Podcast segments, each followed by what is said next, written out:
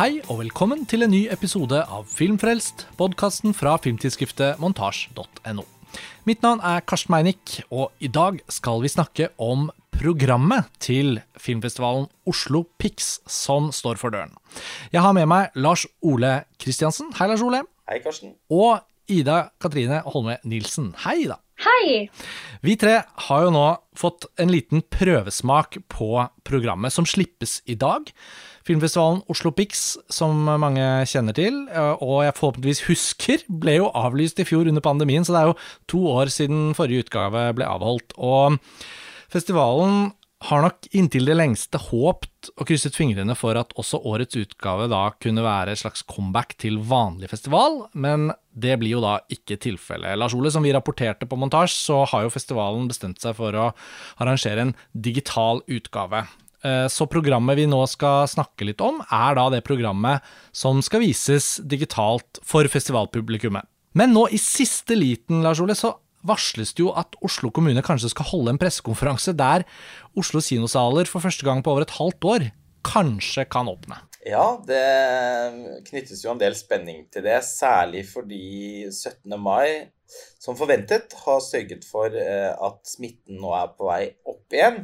Så det er jo ikke helt skråsikkert at uh, Raymond Johansen vil gi tommelen opp. Men uh, skulle han gjøre det, så blir nok Oslo Pix innmari lykkelig over å kunne arrangere i det minste et knippe kinovisninger. Etter hva jeg har skjønt, så uh, er det flere filmer som kan bli aktuelle for visning i fysisk format på kino enn de som faktisk da blir annonsert i dag. Så det blir jo litt spennende å følge med på. Ja, for det er jo litt sånn vanskelig programslipp for festivalen sin del. For de sitter da på en del filmer som er tenkt på den fysiske festivalen, men som ikke kan vises i et digitalt program. Og dermed er jo ikke de filmene nødvendigvis mulig å trekke fram i så detalj, fordi man er så usikker på om de faktisk blir vist. Så det vi da kan formidle, er vel at for publikum sitt del så kan det komme en positiv overraskelse i månedsskiftet mai-juni, idet Oslo Pix skal starte, om at det kanskje blir fysiske visninger i hovedstaden.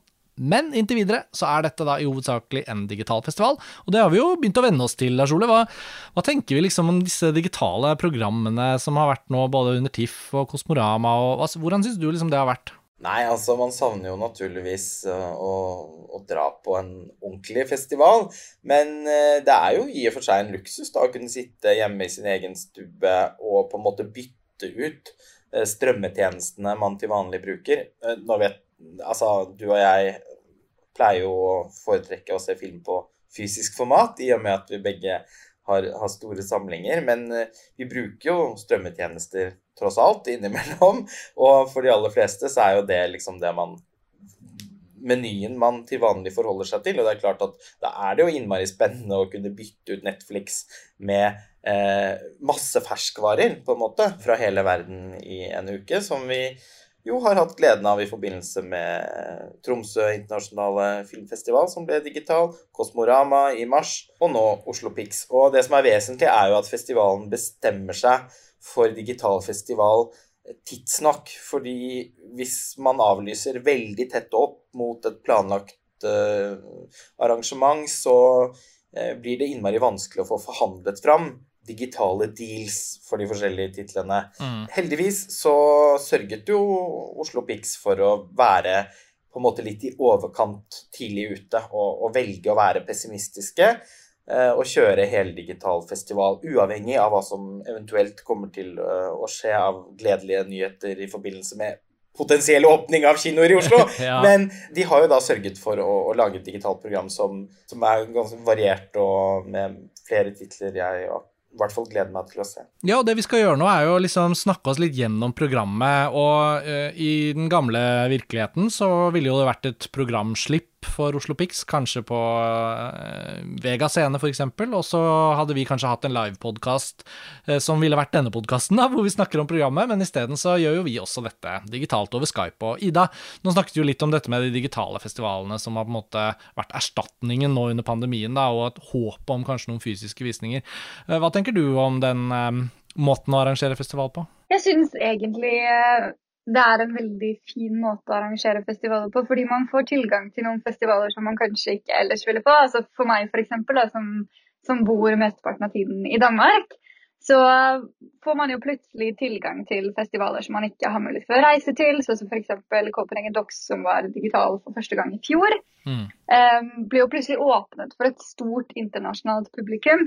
Nå vet jeg ikke hvordan geoblokkeringen fungerer på programmet fra Pix i år, men, hvis, uh, men uh, det er jo en mulighet for at folk som ikke er lokale, altså som ikke bor i Oslo, har mulighet for å få med seg en del av opplevelsene som de kanskje ikke ellers ville ha fått. Mm.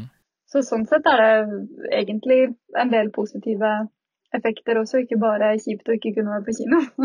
Men det er mye av festivalopplevelsen som forsvinner, da, selvfølgelig. Altså mye av det sosiale som uh, blir borte. Mm. Jeg tenker jo også at alle de positive tingene du trakk fram nå, er jo elementer som festivalorganisatorene og programmererne kan ta med seg. Når vi alle ønsker normaliteten tilbake, så kan det jo hende vi får med oss noen av disse positive erfaringene inn i en mer sånn moderne festivalvirkelighet i 2022, kanskje, da. Men inntil videre så har i hvert fall Oslo Pix beholdt eh, et rammeverk som ligner festivalen slik som den har vært tidligere, men da at filmene vises digitalt. Og Lars Ole og Ida, nå har vi blitt enige om å snakke oss litt sånn gjennom programseksjonene. Og vi skal ikke trekke fram hver eneste film som er i programmet, men vi tenkte å, å trekke fram noen av filmene vi har sett ved tidligere anledninger som vi kanskje kan anbefale eller ikke anbefale, og, og, kanskje ting vi gleder oss spesielt til. Ja, det er jo en god del seksjoner her, og jeg tenkte at kanskje det er greit å starte med den seksjonen som heter Grand Pix Internasjonal. Uh, og det betyr jo, som dere hørte nå, så vil jo mange av seksjonene hete Grand Pix og så et eller annet. Og hvis vi starter med internasjonal, så føler jeg at det representerer jo litt sånn den typiske festivalfilmen. Da. Her har vi jo ting som har hatt premiere i Venezia, i Berlin i 2020, da, og som endelig uh, nå skal vises i hovedstaden, eller digitalt vises, med hovedstaden som premiss. Filmene her er jo Det er seks-sju titler. Eh, en av dem er jo da bare kinoaktuell, hvis det blir kinovisninger, og skal ikke vises digitalt. Men eh, vi kan jo snakke om et par av de vi har sett her. I dag er det jo også førpremiere for en av titlene, av Mogul Mowgli, regissert av Bassam Tariq, som er en britisk eh, fortelling. Den hadde jo premiere i Berlin for litt over et år siden, Lars Ole. Hva slags film er dette? Den handler om en britisk-pakistansk rapper som er up and coming, og som står overfor sitt på en måte potensielle, i hvert fall, gjennombrudd i New York, og som vil få, muligheten til å legge ut på en turné som han i hvert fall forestiller seg at uh, kommer til å bli en liksom milepæl i hans karriere. Samtidig så har han problemer med kjæresten sin, som begynner å bli mett av at han retter all oppmerksomhet mot seg selv, og at han også ikke bare er hun på en måte sjalu på at han forvalter tiden sin på en måte som gjør at hun får en ja, birolle, eller kanskje til og med en slags statistrolle. Eh, hun er jo også da eh, litt sånn indignert over at han så, på en så lettvint måte er i ferd med å forlate sin pakistanske identitet og tilhørighet til familien som bor i, i Storbritannia. Eh, han ender jo da opp med å besøke familien sin for første gang på to år, eh, får man inntrykk av. Og som et slags tegn fra Gud, omtrent, så blir han i den forbindelse, eller i den perioden, da rammet av en autoimmun sykdom som gjør at det blir helt umulig for han å gjennomføre den turneen og behandlingen som han da må igjennom, som er, som er, et eksperiment. Det er ikke engang sikkert at det kommer til å virke, for dette er en kronisk lidelse. Den innebærer da immunterapi og vil eh, ja, fungere på samme måte som kreftbehandling, og derfor gjøre at kroppen hans må gjennom en veldig sånn voldsom, opprivende prosess som eh, gjør at den eh, turneen som som har vært så viktig for ham å, å, gjennomføre, i alle fall ikke kommer til å bli aktuell. Så, og det reiser seg noen større eksistensielle spørsmål. Kanskje vil han aldri kunne vende tilbake til en scene igjen. og det kommer noen slags gufs fra fortiden inni her som filmen ikke helt vet hvordan den skal forvalte. Jeg syns nok eh, det, det psykologiske dramaet her kanskje flater litt ut etter hvert. Jeg får litt inntrykk av at det er en novellefilm som har blitt strukket ut til en uh, spillefilm. Men uh, Riz Ahmed uh, spiller jo da hovedrollen og har også bidratt til å skrive manus og er vel en produsent for filmen. Og han er jo som alltid veldig bra. Altså, Samtidig som du sa det hørtes ut som novellefilm, jeg har jo ikke sett filmen, så hørtes det ut som det skjedde veldig mye. Et uh, veldig tettpakket uh, plott. Og jeg kunne ikke fri meg fra å tenke at det minnet ganske mye om den Sound of Metal, som også Riz Ahmed spiller hovedrollen i, hvor han også er en musiker som får en fysisk fysisk hemmelse. Han mister hørselen, da, som gjør at han ikke kan leve det livet han levde før. Ida, du har også sett Mogul Mowgli. Hva, mm. Hvor, hvor syns du filmen legger seg? Jeg syns eh, Egentlig så minner den meg på et veldig abstrakt plan om en annen filmprogram som vi kanskje kommer tilbake til eh, litt senere, nemlig den norske filmen 'Gritt'. Men eh, dette er jo sånn denne filmen traff meg egentlig litt sånn personlig, fordi han plutselig får denne voldsomt eh, inngripende sykdommen kastet over seg. Og for et par år siden så opplevde jeg, og det er selvfølgelig på hodet på samme nivå, så opplevde jeg å miste synet helt på det ene øyet, også permanent. Og det er bare sånn hvordan de planene man hadde, blir sånn satt på vent, og hvordan man, man, hadde forestilt seg noen ting som ikke er mulig på samme måte mer. At jeg syns at det perspektivet som filmen tok fram, og som, som setter han egentlig litt sånn tilbake i voksenlivet, det var det jeg syns var mest interessant. Mm. Selv om jeg merket at han sånn tydelig prøvde å fokusere på en del andre ting, så er det det her med at han, han føler jo, og det sier han også flere ganger selv i filmen, at han føler at han begynner å bli for gammel til dette gjennombruddet.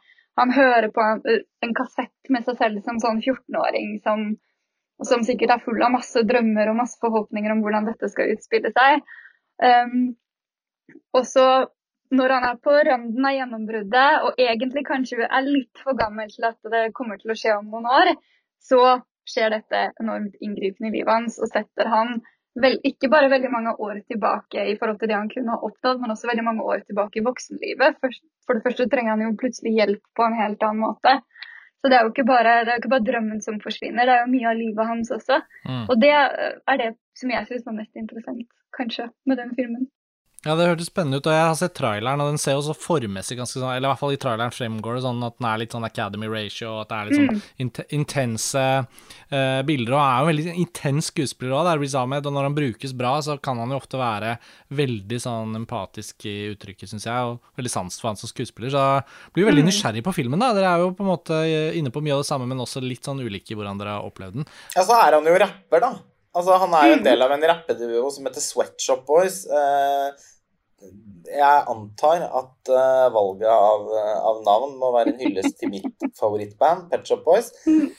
Så, og de sekvensene der han rapper, er jo enormt Altså virkelig, virkelig bra, da. Altså kjempekule tekster, og, og mm. han, hans talent for formidling eh, gjennom rapp er jo ja, mm. himmelropende åpenbar. Så det var et høydepunkt for meg ved filmen, å se den siden ved han. For det er ikke noe sånn at jeg har på egen hånd har utforsket den tidligere. Så det var, og, han, og, og hans rolleprestasjon er eh, som, som, sånn som du antar, Karsten. Mm. Intens. Mm. Og, og sånn dedikert eh, på en måte jeg absolutt hadde sansen for. Altså. Så det er, eh, det er en film som er verdt å få med seg. Og filmen vises jo da i forbindelse med en sånn form for digital førpremiere, da, som Oslo Pix eh, slipper nå i forbindelse med programpresentasjonen. Og hvis vi skal ta et kjapt riss over de andre filmene i denne kategorien, så vises da den portugisiske filmen 'Vitalina Varela' av Pedro Costa, en film jeg er nysgjerrig på og håper å få sett. Eh, og en film jeg har sett, 'Kuovadis Aida',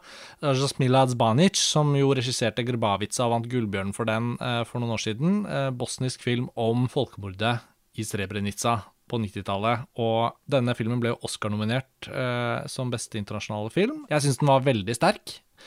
Veldig intens, nesten sånn thrillerlignende survival-film på, på, kanten av folkemordet, på en måte. I timene før det skjer, og man blir veldig revet med av hovedpersonens eh, desperate kamp for å redde sine familiemedlemmer. Hun jobber som tolk for FN-soldatene, som har en sånn liten camp som blir eh, nærmest helt eh, invadert av de ankommende serbiske troppene, da. Så jeg skal ikke si mye mer om den, men den er meget intens og, og anbefalingsverdig.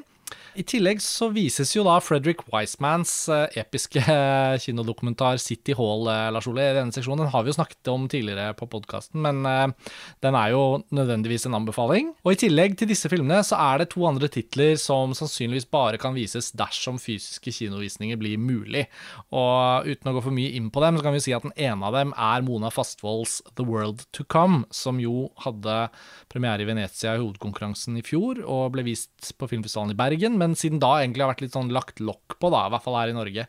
Så den muligheten til å se den på kino dersom da byrådet åpner kinosalen igjen i tide, er jo en gjev anledning. Men jeg tenker vi kan hoppe litt videre til en annen seksjon fordi vi skal gjennom en del, og vi har ikke så mye tid. Um, Lars Ole, nordisk konkurranse, eller Grand Pix nordisk konkurranse. Det er jo en seksjon hvor vi finner et par kjenninger fra vårens uh, ulike norske festivaler. Ja, eh, han av Guro Brusgaard. Og Gritt til Tonje Søme Guttormsen, som eh, alle har fått med seg at vi er helt uh, ellevilt opptatt uh, av. Uh, de har jo faktisk ennå ikke hatt kinopremiere. Det har blitt utsatt i flere omganger på grunn, takket være pandemien. Mm. du har jo sett de nå for første gang, Ida. Mm. Hva er din rapport? Ja, jeg var nok kanskje ikke like begeistret for, for ham som jeg unektelig var for Gritt. Men jeg syns jo eh, Nå var det noe sånn fryktelig østlundsk, eh, denne ham. Men jeg, jeg lo høyt i eh, den innledende scenen hvor um, um, Johannes Joner, som spiller en sånn forfatterkarakter, um, blir, skal intervjues til TV og må liksom rose den kvinnelige kameradamen. For det er så gøy å se henne jobbe. Som sånn kvinnelig filmarbeider. Det er ikke så ofte man ser det. Da måtte jeg le høyt, for det er jo sånn som, sånn som man, man, opplever skremmende ofte i, i, virkeligheten, og som det er veldig vanskelig sånn, å sette fingeren på. Så den, det er, og det er jo en kvinnelig regissør også, det hadde hun tatt veldig sånn på kornet. Den, den mannetypen som uh, denne han. ja, og han kjemper jo da for å få realisert en storstilt filmatisering av en film om Fridtjof Nansen, som vel er den eneste som gjenstår. det er jo en veldig morsom premiss, da. Har mye godt å si om den uh, filmen, men det, jeg kan da i og for seg henvise til en tidligere podkast uh, eh, tatt opp i forbindelse med filmfestivalen i Tromsø. Men ja, Grita, Ida? Ja, den var jeg veldig begeistret for. Og det som jeg likte veldig godt med den, det har jo egentlig sånn, trekker det litt på samme som denne Mogul Mowgli. Altså dette her med Nå er jo hun kanskje litt eh, eldre enn meg. Men dette her med hvordan hun ligger så veldig etter i voksenlivet, og alle Og det har vært liksom holdeplass på holdeplass som hun kanskje burde ha gått av på med ja, formell utdannelse og riktig erfaring, som setter masse kvister i hjulet for de tingene hun har lyst til å oppnå når hun skal søke kunstnerfond, denne Grit, eller Gry som hun heter.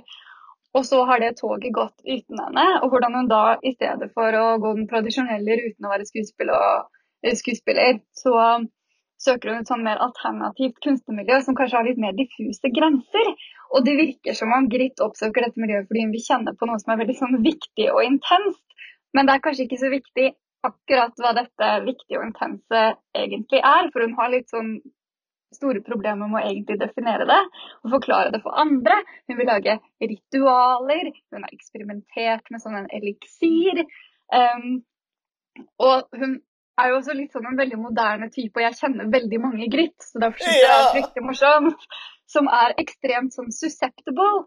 Altså, Lars, altså man, skal bare nevne et buzzword. For gritt så tar hun det til seg med brask og bram. Altså Lars Øyne skal bare nevne dette. Hva er det, er det abject han bruker? Altså Som buzzword så blir hun helt opphengt i dette.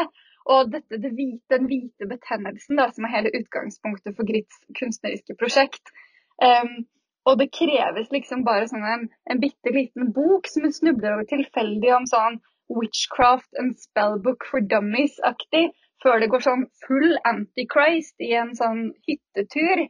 Så det er, det er, en veldig sånn moderne type som bare suger til seg alt av noe som lukter litt alternativt, og noe som lukter litt spirituelt, og som føles veldig viktig og intenst, men som kanskje ikke har så veldig mye substans. Ja, det er, altså det er så fascinerende med Gritt som film, fordi nå har det jo gått mange måneder siden den ble vist første gangen i januar, eh, Lars Ole, under TIFF, og det er også digitalt, da, uh, hvor vi så den første gang. og vi, Jeg gjorde et intervju med Tonje Sømi Guttormsen, du var på den podkasten hvor dere snakket om både Gritt og han og, og Ninja Baby, var det vel. Um, og så har månedene gått, og så har jo den kinopremieren blitt skutt, uh, skutt, fremskutt og fremskutt, og kinopremieren står jo nå for døren omsider. Men det er jo det er jo så rart at en film man har så mye lyst og iver til å snakke om, på en eller annen måte har fått en veldig sånn seig lansering. Men eh, mm. vi får håpe at denne visningen nå under Oslo Pix eh, gir anledning til at den samtalen kan plukkes opp igjen av eh, oss som har sett den fra tidligere av, og kanskje kan benytte anledningen nå til å se den om igjen. Og det å høre deg sånn eh, gripe tak i den entusiastisk nå, Ida, nå som du akkurat har sett den, sånn, jeg kjenner meg veldig igjen i det fra noen måneder tilbake igjen. da. Så det er jo litt viktig at ikke den filmen føles gammel bare fordi den har blitt vist en del på festival før kinolanseringen. Da. Det er jo en uh, norsk mm. kinofilm som skal på vanlig kino, men, men, jeg oppfordrer jo da alle lytterne som ennå ikke har eh, brukt anledningen under TIFF eller Kosmorama til å se den digitalt, til å i hvert fall forsøke å få sett den nå under Oslo Pix, og til slutt da på kino når den endelig kommer. Um, og det gjelder jo han også, til Guro Brusgaard, som du nevnte, at uh, den skal også på kino nå rett i etterkant av Oslo Pix. da. Så hvis all denne gjenåpningsbøssen blir til virkelighet, så går det kanskje mot en sommer hvor alle norske kinoer, da, inkludert hovedstaden og Fredrikstad, hvor det også fortsatt er stengt, og et par andre steder, skal kunne åpne kinoene, og at vi ja, vi kan la alle disse filmene få sitt liv på kinoer i tillegg. Men, men sånn sett så er jo det digitale programmet Poslopix Oslo Pix en anledning, da, i hvert fall. Uh, og når det kommer til Gritt, så kan vi jo nevne at festivalen har varslet at den får et sånt 48-timersvindu i den digitale festivalplattformen. Uh, så den, uh, den, må ses da på starten. og hver film har en egen, et oppslag selvfølgelig på nettsiden til festivalen hvor du kan se om det er noen sånn tidsbegrensning for når de vises. da. Så er det sagt. Men i dette nordiske konkurranseprogrammet så har vi et par andre titler òg. En svensk film som heter Spring Uje Spring.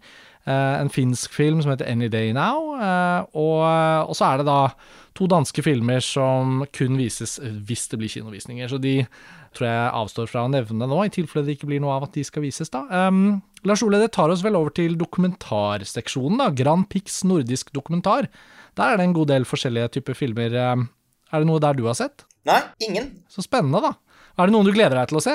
Ja, altså jeg gleder meg naturligvis til å se Stol på meg til eh, Emil Trier. Og så er jeg nysgjerrig på den Hei verden til Kenneth Elvebakk. Det er jo da de to norske dokumentarene som er eh, representert. Eh, jeg har også hørt mye fint om den The Most Beautiful Boy in the World. Mm. Og den 7030, som vel ble vist på CPH Docs, om jeg ikke tar feil. Er det den du har sett i, da? Jeg har sett den, ja. Mm. ja fortell oss litt om den. Hva slags film er det? Nei, Det er jo en film som, som i prinsippet faktisk er veldig lokal til Danmark. Eh, jeg syns den var kjemperelevant, jeg bor jo i Danmark selv. Men jeg kan jo lure litt på relevansen, eller hvor, hvor relevant man opplever den som utenforstående. Den eh, handler rett og slett om klimalovgivningen i Danmark, og hvordan året liksom opp til koronaåret så fikk plutselig klimaet en, klima en, helt annen relevans for alle de politiske partiene, som plutselig satte det på agendaen. Mm. Den handler veldig sånn om de unges kamp for, for, klimadebatten, og hvordan den plutselig da blir overskygget av interessen i Nordsjøen, og hvordan den plutselig blir overskygget av koronaen, som jo gjør sitt inntog. Men den er jo veldig sånn lokal med tanke på altså, Jeg kan jo forestille meg at uh, hvis man ikke er sånn kjempe inn i dansk politikk, at det kanskje ikke sier en så mye de forskjellige utsagnene som ulike politikere har, fordi man ikke har den samme referanserammen å sette dem i. Men jeg vet ikke, jeg kan ta feil. Mm. Kan være man syns den er veldig spennende likevel. Men uansett så er det jo sånn overordnede tematikken angår jo alle. Så det er vel kanskje derfor man har valgt å vise meg likevel. Ja, det er jo tre danske filmer i denne seksjonen hvor uh, kun syv filmer ble vist. Og mm. jeg har sett en av de andre der. Det er jo en film som har blitt omtalt en del siden den hadde premiere uh, i Sundance, og den har jo fått denne etiketten med Cannes 2020, eller Sole. Etter at Cannes-festivalen måtte avlyses, så ga de jo ut sånne offisielle godkjennelser, nærmest, uh, hvor filmer som var tiltenkt å bli programmert, fikk æresbevisningen og kunne smykke seg med at de var filmer fra Cannes 2020. Det er jo denne filmen Flukt, regissert av Jonas Poher Rasmussen. Og den ble, ble vist på eh, Human eh, dokumentarfilmfestival i Norge, da, i digital, da, i februar. Og er veldig, veldig sterk film. Handler om en flyktning fra Afghanistan og hans historie, hvordan han endte opp i Danmark. Og han eh, gjenforteller på en måte som voksen, da, ser han tilbake på den prosessen som hele flukten handlet om, og hvilke konsekvenser det fikk, og hvilke egentlig mareritt på en måte han har, da, ikke bare fra lidelsen man blir utsatt for ved å bli tvunget til å legge ut på flukt fra sitt hjemland, men også valgene og dilemmaene som dukker opp underveis, som man må ta eller ikke ta. Eh, hva forteller man sant, hva forteller man usant for å få et bedre liv? Altså, det er jo på en måte ikke en skjønnmalt historie, og det syns jeg er noe av det sterke med den. Og så er den jo animert, eh, som gir veldig sånn vibber tilbake til Vals med Bashir, til Ari Folman, som sikkert mange husker, som er og en av de filmene som føltes litt sånn nyskapende på det feltet. da, Med å ta et dokumentarisk stoff og bruke liksom rotoskopieringsteknikker og andre for å skape et sånt animert uttrykk over et dokumentarisk stoff. Da. En veldig bra film, og den er jo ventet til å komme på norske kinoer også, men her har man en glimrende anledning under Oslo Pixstad til å se den, så den kommer varmt anbefalt. og Virker som det er mye annet spennende også i denne seksjonen for nordisk dokumentar. Men det er en annen norsk dokumentar som vises på festivalen, Lars Ole. Hvis vi hopper litt til en seksjon som heter Transformasjon, så føles det litt fint å kunne trekke fram den filmen Kodenavn Nagasaki da, til Fredrik Hana, som jo har en egen podkastepisode om hvor du intervjuer han. Den filmen er det jo sikkert mange som fortsatt har lyst til å få sett. Yes, eh, det er i hvert fall en varm anbefaling fra meg. Og jeg kan jo bare henvise til eh, den podkasten, der jeg i tillegg til å ha en samtale med med Fredrik Hana om, om filmens eh, eh, formgrep og, og fortellerstil og, og, tematikk. Også um, gir uttrykk for, for min begeistring, da. Eh, ellers så kan, vet jeg jo at vi begge kan skrive under på å anbefale 'Slalåm' av Charlene Favier, som eh, jo ble, ble vist under Tromsø internasjonale digitale festival tidligere i år. Mm. Og du gjorde jo et intervju med, med regissøren som ja.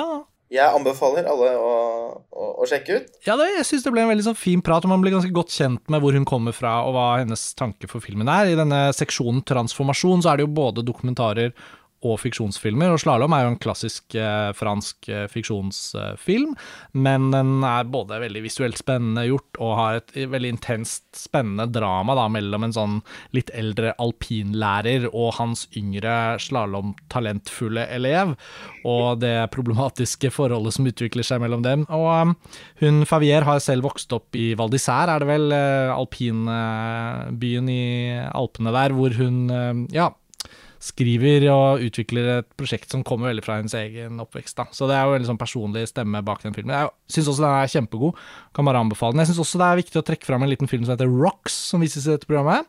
Som jeg også har sett. da. Sarah Gavrons britiske oppvekstskildring, det òg, om en gruppe jenter i London. Særlig en hovedperson da, som har en liten bror som hun må ta hånd om når moren plutselig forsvinner. Ja, og prøver å holde liksom, fasaden oppe og ikke bli liksom, tatt av barnevernet, og prøve å utgi seg for å være lykkelige barn som har det fint hjemme, men egentlig så vet ikke hvor moren har blitt av.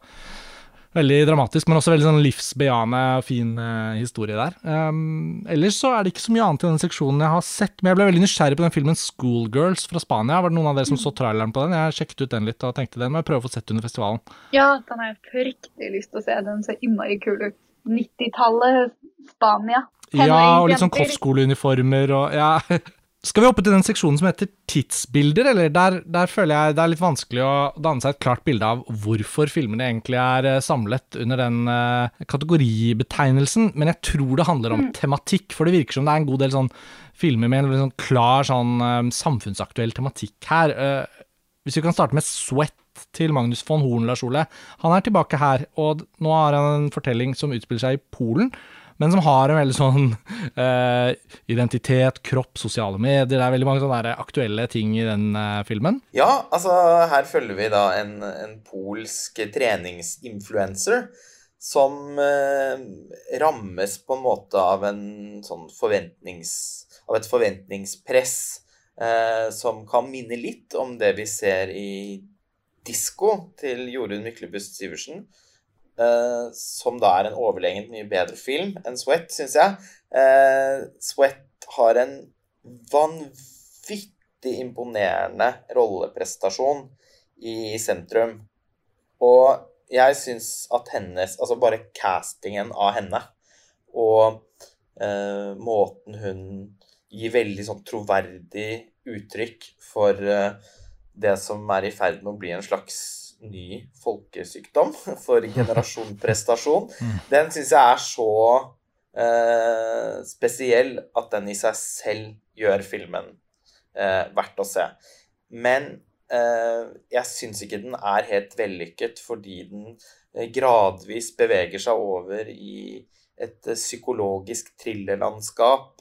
Hvor man begynner å sånn flørte med litt sånn unheimlich elementer, som var det i en Christian Petzold-film. Og der mister den meg litt. Altså, jeg føler på en måte at filmen ikke helt lenger vet hva den skal si lenger. Jeg mm. erindrer at vår reaksjon var ganske lik da vi så den i forbindelse med den digitale Cannes-festivalen i fjor. Ja, det var jo faktisk et digitalt marked. Eh, I juni, etter å ha avlyst Cannes, så slang de på et lite digitalt marked, og vi kastet oss jo inn med kostbare akkrediteringer og fikk knapt sett noe særlig film i det hele tatt, for det var ikke så mye som ble vist der som vi var interessert i. Men vi så denne Sweat, eh, og ja, jeg har egentlig ikke så mye å tilføye, jeg syns du setter godt ord på det, men, men filmen har en egenart som jeg tenker også at de som er nysgjerrige og føler liksom at her er det her er det en filmskaper å følge litt, da. Så vi, eh, vi får si at den er, eh, den er, interessant og verdt å se på sitt vis, men man må holde kanskje forventningene litt dempet. Um, Ok, men, men, disse seksjonene de indikerer jo på en måte at noen av disse filmene har en del med hverandre å gjøre, men antageligvis også at det er en grei måte å få samlet dem på. Og man kan jo forstå at festivalen etter å ha blitt slynget over i en mer sånn digital utgave, forsøker å finne noen samlebetegnelser, men akkurat når du kommer til den seksjonen um, som heter tidsbilder, så, så, føles det ut som at det er litt vanskelig å, å, se. Og der er det også et par filmer vi ikke kjenner til så godt, så vi får bare utforske det litt når festivalen omsider går av stabelen. Men Kategorien PIX-politikk den kan i hvert fall ikke misforstås, da, eh, Ida. Og, og den 7030 som du nevnte i stad, den danske filmen om, om, klimapolitikken i Danmark, den er jo inkludert der. Mm. Er, det noen andre av de filmene du har vært nysgjerrig på å se? Ja, den der Økonomia, den tyske filmen, mm. den er jeg ganske nysgjerrig på. Det er jo litt i samme kategori, da, kan man si. ja, ja, og det er jo en relevant politisk sak, selvfølgelig, som mange filmskapere er nysgjerrig på. Her, her vet jeg at festivalen også har til hensikt å kontekstualisere filmene inn i, i samtaler, da, nødvendigvis digitale panelsamtaler, eh, det også.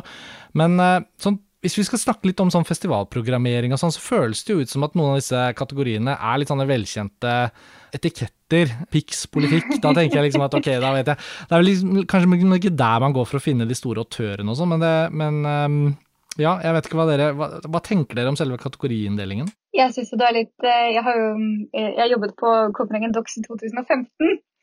Og jeg ser jo noen sånn veldig eh, Jeg syns jo det er tydelig at man kanskje har vært litt sånn inspirert av kategoriene der, som ofte er sånn litt annerledes. Ja, veldig dette Pics on art, f.eks. Det er en veldig sånn Dox-aktig kategori. Mm. Men det er jo altså, også veldig positivt. Dox er en fantastisk eh, internasjonal dokumentarfilmfestival, så det er jo morsomt å se at man tar inspirasjon fra det her hjemme også. Um, og tør å liksom utfordre det kanskje litt sånn trauste.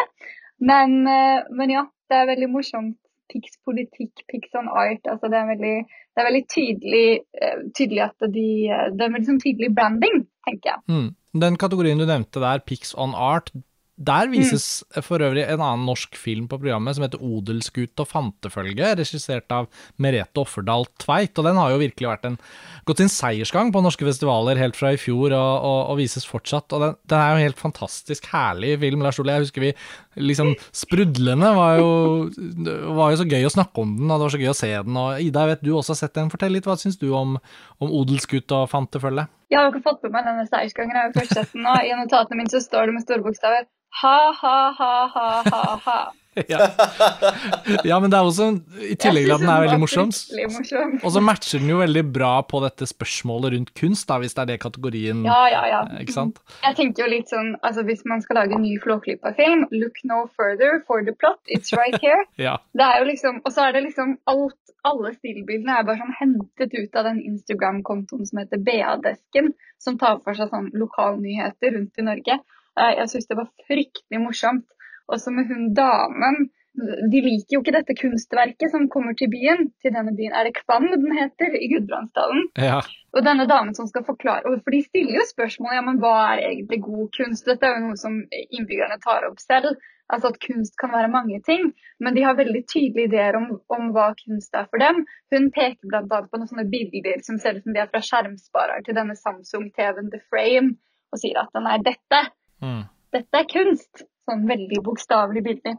Jeg, jeg syns den er fryktelig morsom. Så er det bare sånn, dette møtet mellom eh, denne galskapen til han, kunstneren Jan Roar Nango eh, med, eh, med, Som er veldig sånn eh, ja, improvisasjons... Eh, ord som improvisasjonskompetanse og sånn blir eh, strødd rundt for å begrunne hva som ligger bak den mildt sagt underlige og mm, konstruksjonen eh, og, og møtet mellom hans visjoner og innbyggernes eh, skepsis, på en måte også sunne skepsis, eh, Ja. skaper noen vanvittig morsomme situasjoner. Og etter langsomt blir egentlig filmen veldig rørende, fordi at Mm. bygda en, kommer ut av denne eh, omstendelige prosessen som eh, en flokk med kunstinteresserte. Fordi Ja. eh, plutselig har de jo forstått at kunst handler om noe mer enn å se på noe og anerkjenne at det var vakkert, eller det var stilig. Eh, at kunsten kan romme konflikter og igangsette diskusjoner og sånn, er jo noe de erfarer på en måte som for, i alle fall for enkelte av dem, blir skjellsettende. Og det er utrolig fint å se.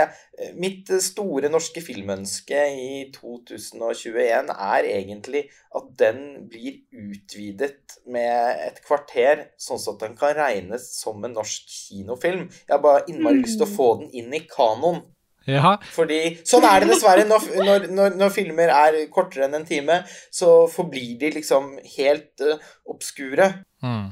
De blir liksom TV-filmer eller kortfilmer, og så glir de inn i, i glemselen. Jeg har jo rammet noen av Dag Johan Haugeruds mer spennende filmer. Ikke sant? Så jeg, jeg har jo denne jeg, jeg har lyst på analysen på montasje Ja, av denne filmen. Ja. Jeg ønsker meg en sånn cinematic universe, hvor, man får, eh, hvor man får Gritt og Odelsgutt og Fantefølge inn i samme verden. Hvor på en måte Gritts kultur... Ja, Gritt, Gritts kulturrådesøknader kan leses opp høyt i den rundkjøringen i Kvam, og at man kan få et møte. Ja, det er i hvert fall en, eh, en overlappende tematikk da, i hvordan kunstneren og kunstnerrollen og publikum eh, diskuteres. Men den kunne jo også vært i politikkseksjonen, tenker jeg. De vet jo også, Det er jo morsomt hvordan de også finner en måte å kapitalisere på dette kunstverket på.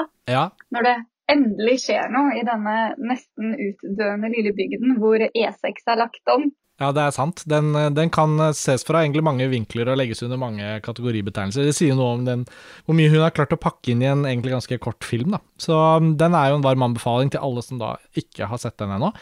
Eh, Det, egentlig, det har jo egentlig tatt oss gjennom mesteparten av kategoriene her. Eh, Det vises et par eh, familiefilmer i en egen seksjon, og Festivalen har også programmert inn to eh, danske, nyere danske klassikere av Anders Thomas Jensen, 'Blinkende lykter' og 'De grønne slakterne', i et slags tofilmretrospektiv. Og det handler jo litt om at Anders Thomas Jensens nye film, 'Rettferdighetens ryttere', er en av disse titlene jeg da ikke nevnte tidligere, som er i Grand Prix nordisk konkurranseprogrammet, men kun vises hvis kinosalen i Oslo åpner i tide. Så det, det er jo en liten sånn knivsegg å balansere på, da, om vi skal formidle og snakke om de filmene eller ikke. Men kort uh, om de to der, uh, Lars Ole. Det er jo uh, velkjente danske uh, sofaklassikere. Ja, jeg tenker kanskje at de er så velkjente at det oppleves som en tanke unødvendig å vie dem plass her.